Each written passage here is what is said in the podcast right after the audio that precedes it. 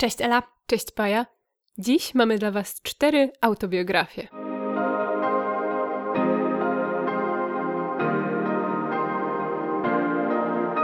Cześć Wam wszystkim po przerwie. Dla nas też to była dosyć zaskakująca przerwa, ale już wracamy do siebie i witamy się z Wami w kolejnym odcinku.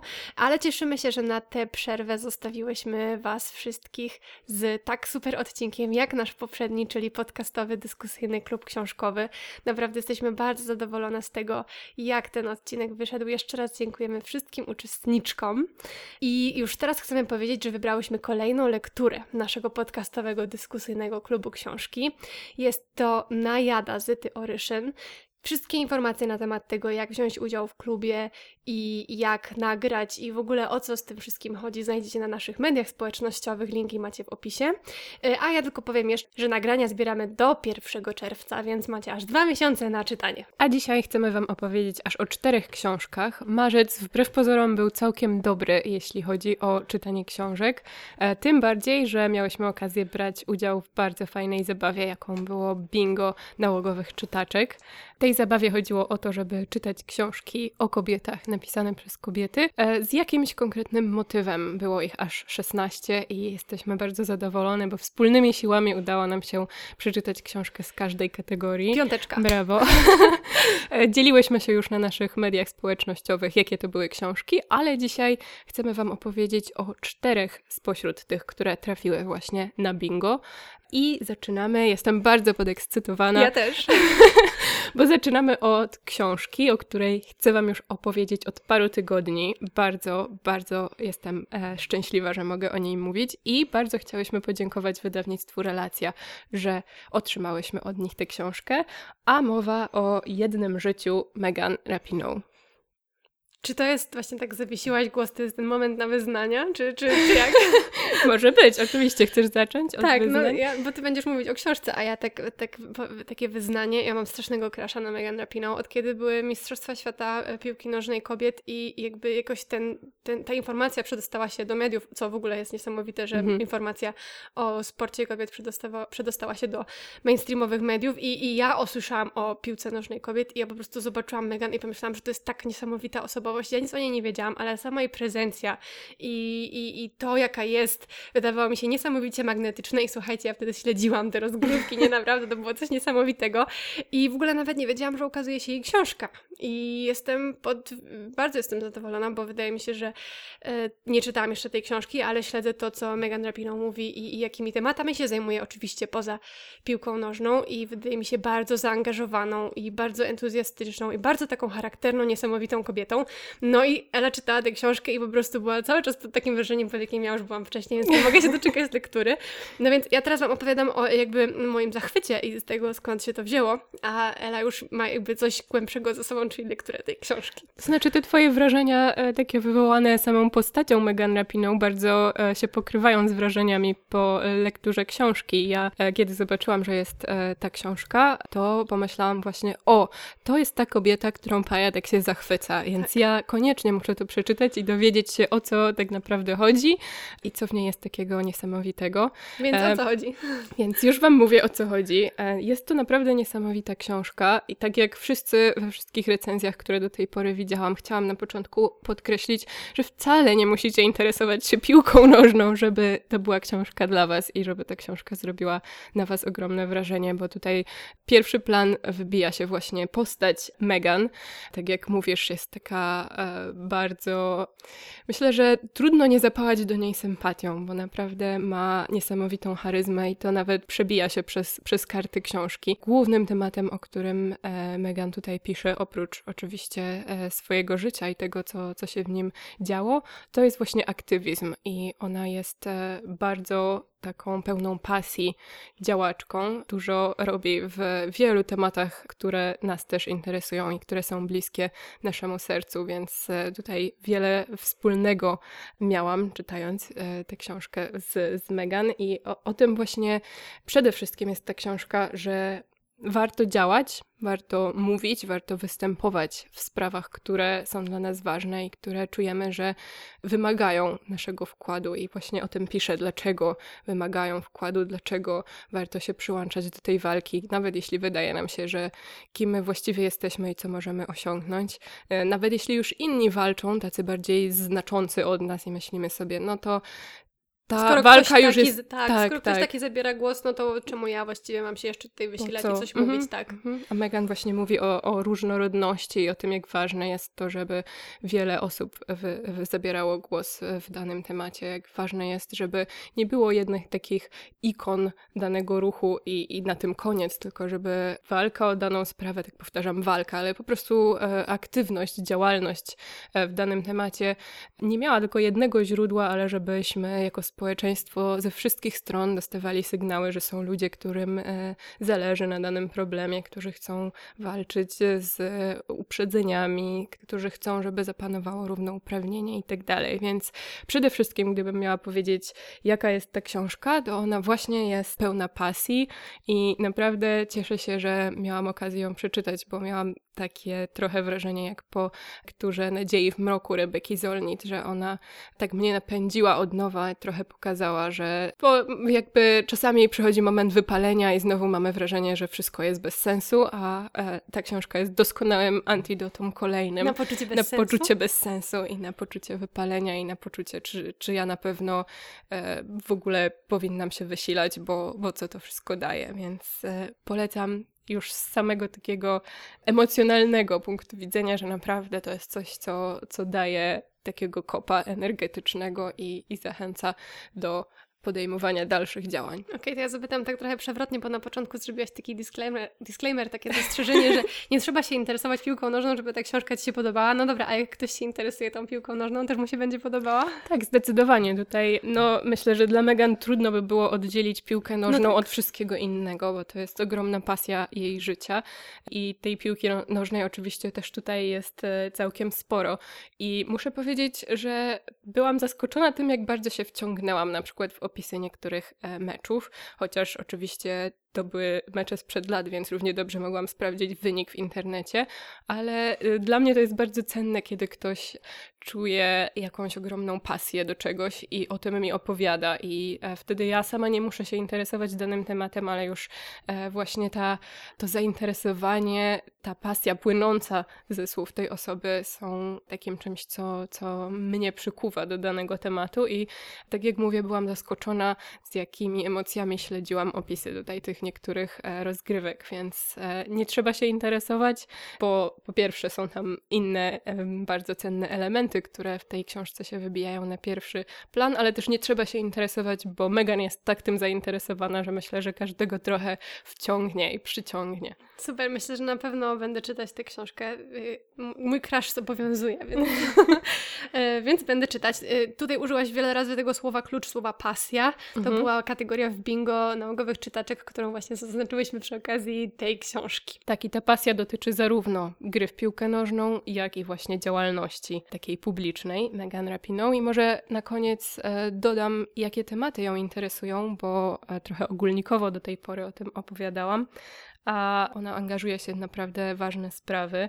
E, jest tutaj bardzo dużo o e, rasizmie, e, zwłaszcza w kontekście sportu, no bo to jest jej środowisko i, i to jest świat, w którym najczęściej się obraca. Bardzo, bardzo ciekawe rozważania na temat nierówności różnego rodzaju w sporcie, więc przede wszystkim mamy, mamy rasizm i bardzo ciekawe uwagi z punktu jej widzenia jako białej kobiety i tego, co może zrobić, co powinna zrobić i jak, jak uprzywilejowana jest w tym, że w ogóle taką walkę walkę e, pozwala się jej podjąć, bo mm, tutaj bardzo ciekawe porównanie na przykład z Colinem Kaepernickiem i jakie e, konsekwencje jego spotkały za to samo, co, co ona próbowała robić jako osoba biała, więc e, temat rasizmu tutaj bardzo wybrzmiewa.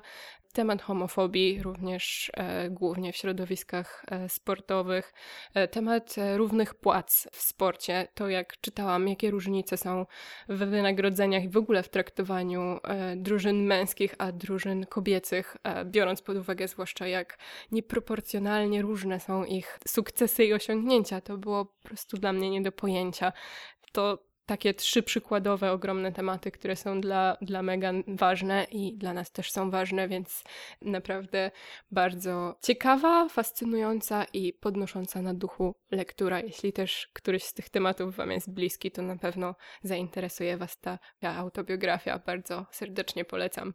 Teraz, tak jak opowiadasz o tych tematach, których, którymi Megan Rapinoe się zajmuje, przypomniało mi się, że już jakiś czas temu, właśnie przy okazji Mistrzostw mhm. w 2019 roku, słuchałam bardzo ciekawego odcinka podcastu. Wydaje mi się, że to był tygodnik powszechny. Mhm. Nie jestem pewna, poszukam, wrzucę Wam w opisie, bo właśnie temu poświęcony był e, ten odcinek, właśnie nierównościom płacowym w, mhm. spo, w sporcie w kontekście właśnie od rozgrywających się albo niedawno zakończonych, nie pamiętam kiedy to konkretnie było mistrzostw. Mhm. Więc po, po, też Wam podlinkuję, polecam ten odcinek w temacie, jeśli ktoś będzie już po lekturze i będzie sobie chciał coś dalej w tym temacie poczytać albo posłuchać. No i teraz, e, bo ja się trochę nagadałam, oddaję głos Tobie, bo masz dla nas kolejną bardzo ciekawą książkę, która z kolei trafiła do bingo pod hasłem Zbrodnia. Tak, to jest książka pod tytułem Nazywam się, moja historia, autorstwa Chanel Miller. E, I to jest książka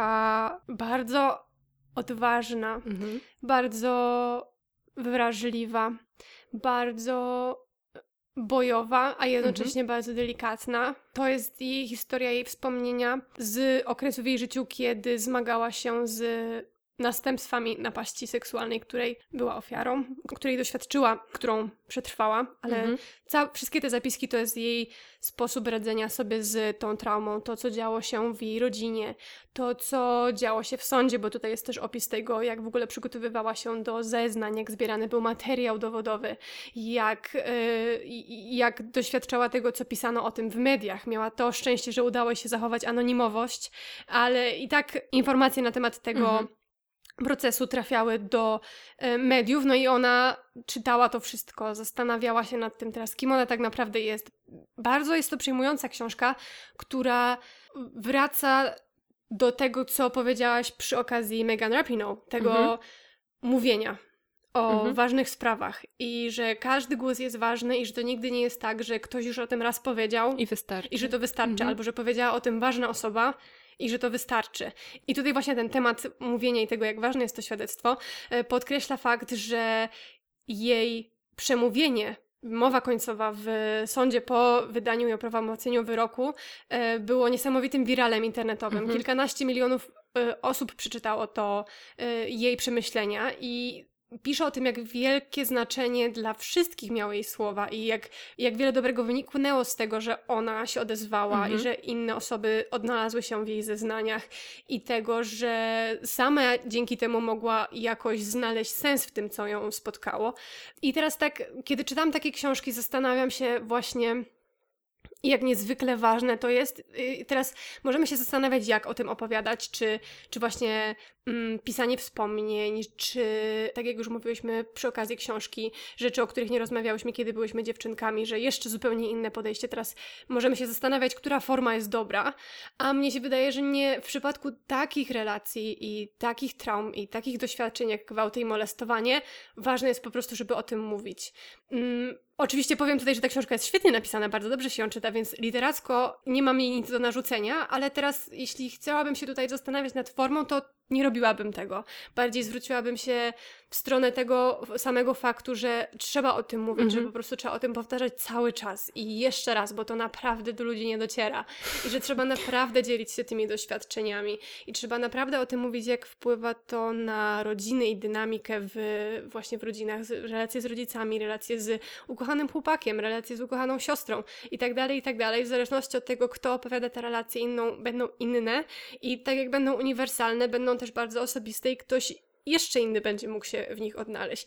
Więc tutaj ten mój taki próba właśnie przekonania Was do tego, że może Wam się wydawać, że to już jest taka kolejna historia, która pojawia się na rynku literackim, żeby móc jakoś dowiadywać się i uwrażliwiać w tych tematach, ale to za każdym razem jest bardzo potrzebna historia i za każdym razem to jest bardzo ważny głos, a przynajmniej takie jest moje zdanie w tym temacie. Zwłaszcza, że to się chyba raczej nie zdarza, żeby dwa doświadczenia, dwie historie, dwa sposoby opowiedzenia o e, teoretycznie podobnych podobnym zdarzeniu były naprawdę takie same. Z tego, co mówiłaś podczas lektury, to tutaj pojawiło się bardzo dużo elementów, których nie znalazłaś w tych poprzednich wspomnieniach czy w poprzednich książkach na tematy gwałtu, molestowania. E, o ile dobrze pamiętam, to te elementy związane z przygotowaniem do procesu były dla ciebie nowe? Jak byś to oceniła? Tak, to była bardzo wartościowa część tej książki. Wydaje mi się, że naj, najtrudniejsza i najboleśniejsza dla autorki, jeśli chodzi o przytaczanie wspomnień z przeszłości, zwłaszcza właśnie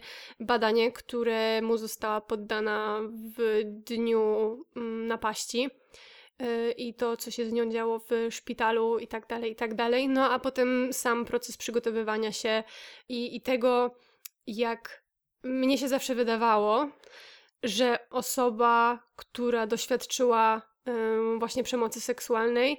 Mm, mam tutaj takie doświadczenie głównie mm, oczywiście popkulturowe, więc mhm. myślę teraz o Law and Order i tak dalej, i tak dalej, gdzie zawsze ma się wrażenie, że ta osoba, która doświadczyła przemocy jest w centrum, mhm. a tutaj z jej opisu wcale tak nie wynika. Ona mówi, że ona przychodziła do tego sądu i kompletnie nie wiedziała, jakby czuła się tylko jakby częścią poboczną tego wszystkiego, mhm, mimo że tak, scenografii dokładnie, mimo że to oczywiście była jej historia i jej sprawa i, i jej proces, ale że ona była kompletnie obok, albo że nie miała właściwie na nic wpływu za mhm. bardzo. Mhm. I, I to była dla mnie taka bardzo przejmująca świadomość, że ten system tak właściwie nie jest pomyślany z myślą o osobach, które właśnie doświadczyły przemocy, gwałtów i molestowania, tylko nie wiadomo właściwie, jak podejść właśnie do takiej osoby w, w, w tym systemie i że to jest bardzo krzywdzący system, więc te jej świadectwa właśnie na, dotyczące tego, co działo się w sądzie i dookoła właśnie całego procesu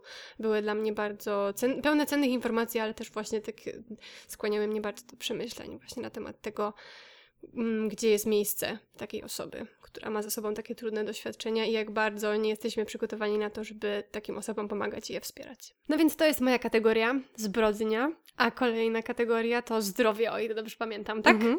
Dokładnie, tak przyporządkowałam kolejną książkę, którą dla Was mamy, a jest to Cięcie Hibo Warder i tutaj podtytuł czy nagłówek poruszająca historia obrzezanej kobiety.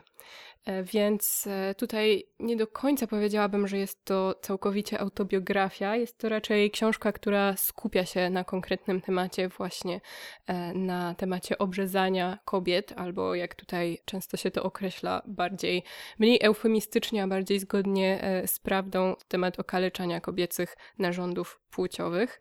I oczywiście wątek autobiograficzny jest bardzo silny w tej książce, bo autorka sama doświadczyła takiego takiego strasznego okaleczenia w wieku 6 e, lat, kiedy mieszkała jeszcze z rodziną w Somalii. E, następnie jako nastolatka, już właściwie prawie że dorosła kobieta, bo chyba w wieku 18 lat, przeniosła się do Londynu i tam zaczęła sobie urządzać nowe życie. I oczywiście to okaleczenie, to obrzezanie wiązało się z ogromnymi problemami różnej natury, między innymi medycznej, dlatego e, przyporządkowałam tę kategorię właśnie do kategorii zdrowia, ale też oczywiście były to problemy psychiczne, były to problemy z relacjami, bo jej relacja z matką ogromnie ucierpiała po tym, jak dokonano na niej tego zabiegu. E, trudno jej było sobie wyobrazić relację z mężczyzną i tak dalej, i tak więc e, to jedno wydarzenie kładło się e, cieniem i właściwie nadal pewnie kładzie się cieniem na, na całym jej życiu. Ta pierwsza część książki dotyczy w dużej mierze tych um, wątków autobiograficznych i tego, co się zmieniało w jej życiu, jak ona sobie z tym e, radziła i czy spotykała się z jakimś wsparciem, a często tym ja z jakim niezrozumieniem albo z jakim nieprzygotowaniem na, na taką sytuację, na przykład ze strony personelu medycznego w Wielkiej Brytanii e, się stykała i jak to się odbijało na, na niej, na jej postrzeganiu siebie. No a druga połowa tej książki dotyczy już jej działalności, bo w pewnym momencie stwierdziła, że czuje się już na siłach, żeby odezwać się, przemówić, to tutaj łączy się nam pięknie z Megan Rapiną i właśnie z tym, e, jak ważne jest, żeby mówić o, o problemach, o zjawiskach, z którymi chcemy walczyć. I właśnie Hibo Warder w pewnym momencie poczuła w sobie taką siłę, że, że, że jest już w stanie o tym e, głośno powiedzieć i podjęła działalność taką głównie edukacyjną w, w Wielkiej Brytanii.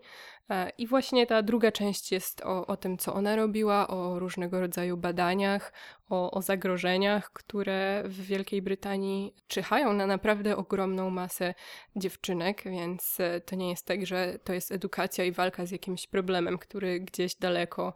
E... Albo który dotyka naprawdę jakąś nieliczną grupkę. Dokładnie, więc tutaj bardzo, bardzo przerażające i takie otwierające oczy dane możemy znaleźć i takich pozytywniejszych stron to właśnie dużo jest tutaj o różnego rodzaju kampaniach, które, które są prowadzone, o e, różnych pomysłach, projektach, czasami dosyć nietypowych, które są wprowadzane w życie, żeby właśnie zwiększać świadomość, e, żeby e, był to problem, który nie jest już więcej przemilczywany. Bo myślę, że to jest ogromny problem właśnie związany z okaleczaniem kobiecych narządów płciowych, że w wielu społeczeństwach, w których ten problem jest, to jest temat tabu i o nim się nie mówi i tego też względu nic się w, tym, w tej kwestii nie robi, więc tutaj... Mhm.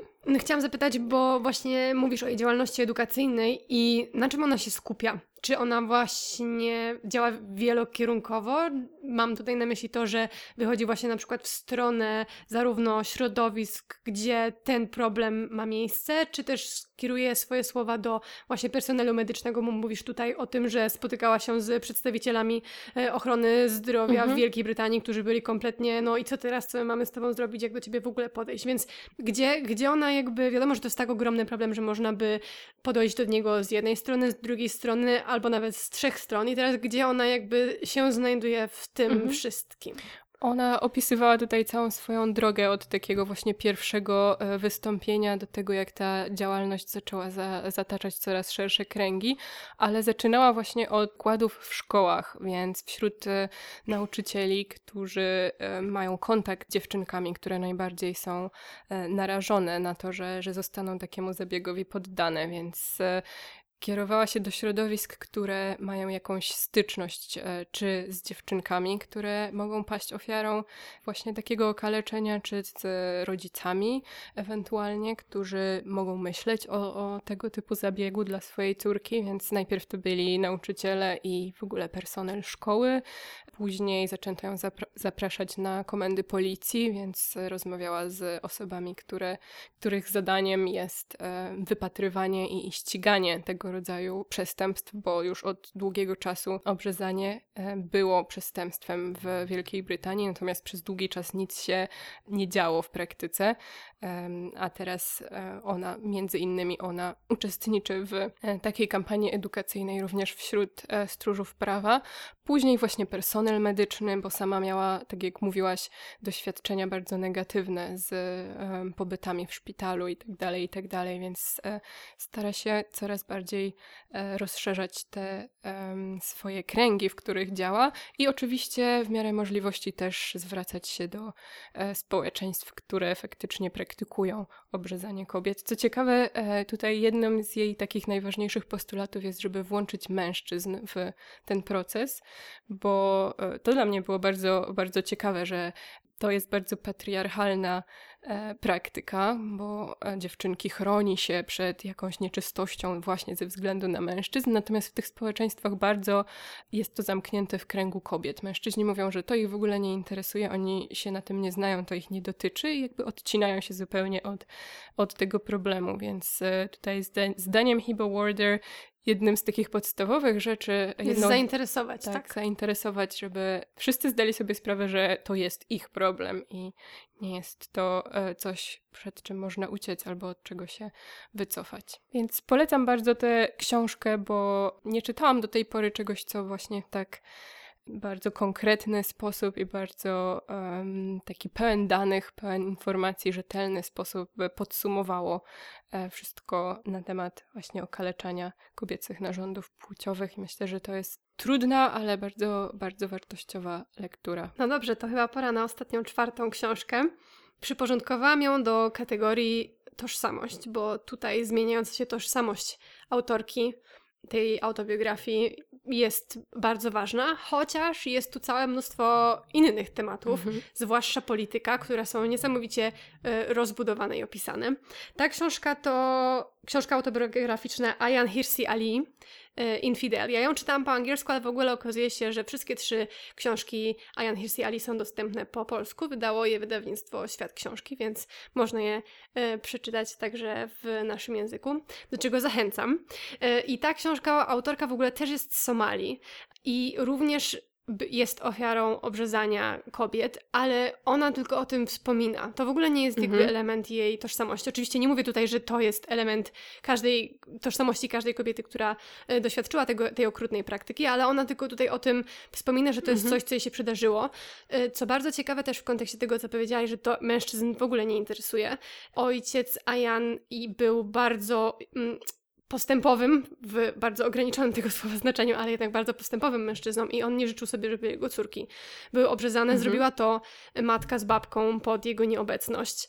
E, więc tak jak mówisz, znowu działo się to w kręgu kobiet, to kobiety zainicjowały i to kobiety jakby um, utrzymywały te tradycje um, wbrew woli mężczyzny. Więc to jest też bardzo ciekawe, jakby sobie spojrzeć i porównać tutaj to mhm. podejście, mhm. które się tutaj pojawia. No ale jest to też temat, który się pojawia, mhm. ale przede wszystkim co interesuje interesuje Ayan Hirsi Ali jest jej tożsamość i jej religia, bo jej relacja z religią y, i islamem jest bardzo burzliwa y, i początkowo jako bardzo pobożna młoda dziewczyna, bardzo taka bogobojna, to uczestnicząca w, spot w spotkaniach y, braci muzułmanów. Po emigracji do Niemiec, a później do Holandii, kompletnie się zmienia. I ta właśnie mhm. przemiana to, tożsamościowa jest czymś, czemu ona poświęca najwięcej uwagi.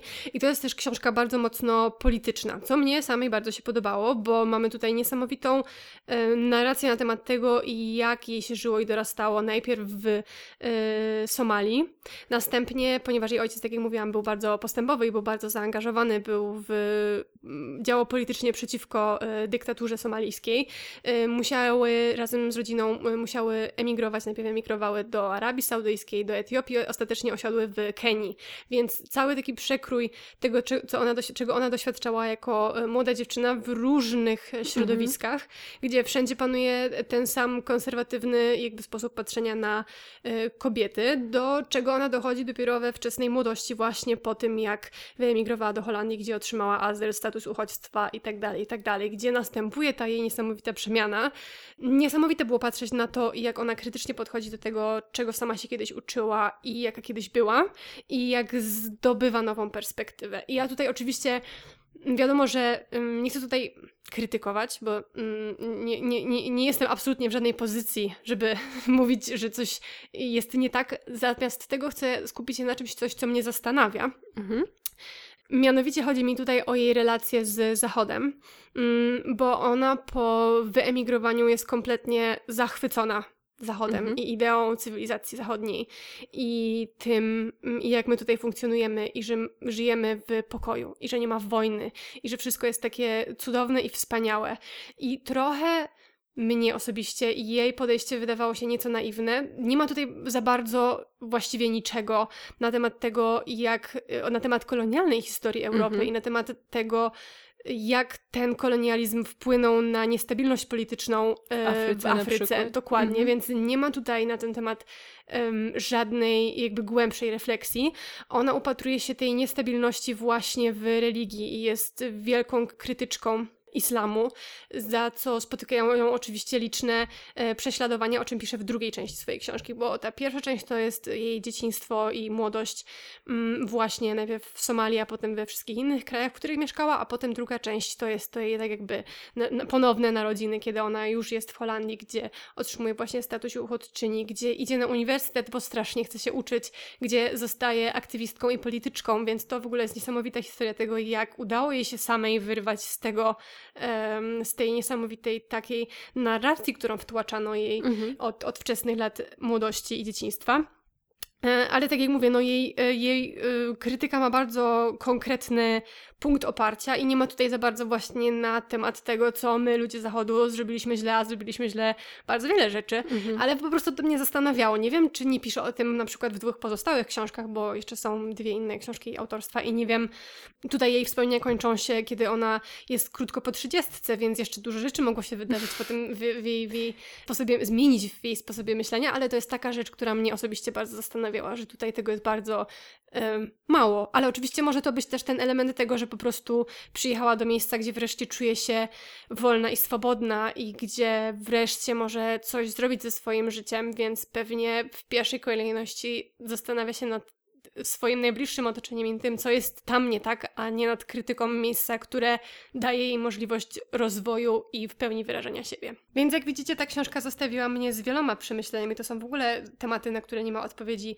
tak i nie, albo mhm. czarne i białe i tak dalej, i tak dalej, tylko jest to wielowarstwowa i wielowątkowa historia i wielowątkowy problem, o którym e, Ayan Hirsi Ali tutaj pisze. W ogóle książkę dostałam od Grażyny. Jeśli Grażyna nas słucha, chciałam ją bardzo serdecznie pozdrowić. E, dziękuję Ci, że pożyczyłaś mi tę książkę. Na pewno o niej jeszcze porozmawiamy, jak się spotkamy. E, ja też Wam bardzo tę książkę polecam. Tak jak mówię, jest dostępna po polsku, więc możecie jej szukać. No i będziemy powoli kończyć ten odcinek. Wyszedł nam trochę długi, ale to pewnie dlatego, że w zeszłym tygodniu nie miałyśmy okazji się do Was odezwać, więc w tym tygodniu się. stęskniłyśmy się, nadrabiamy.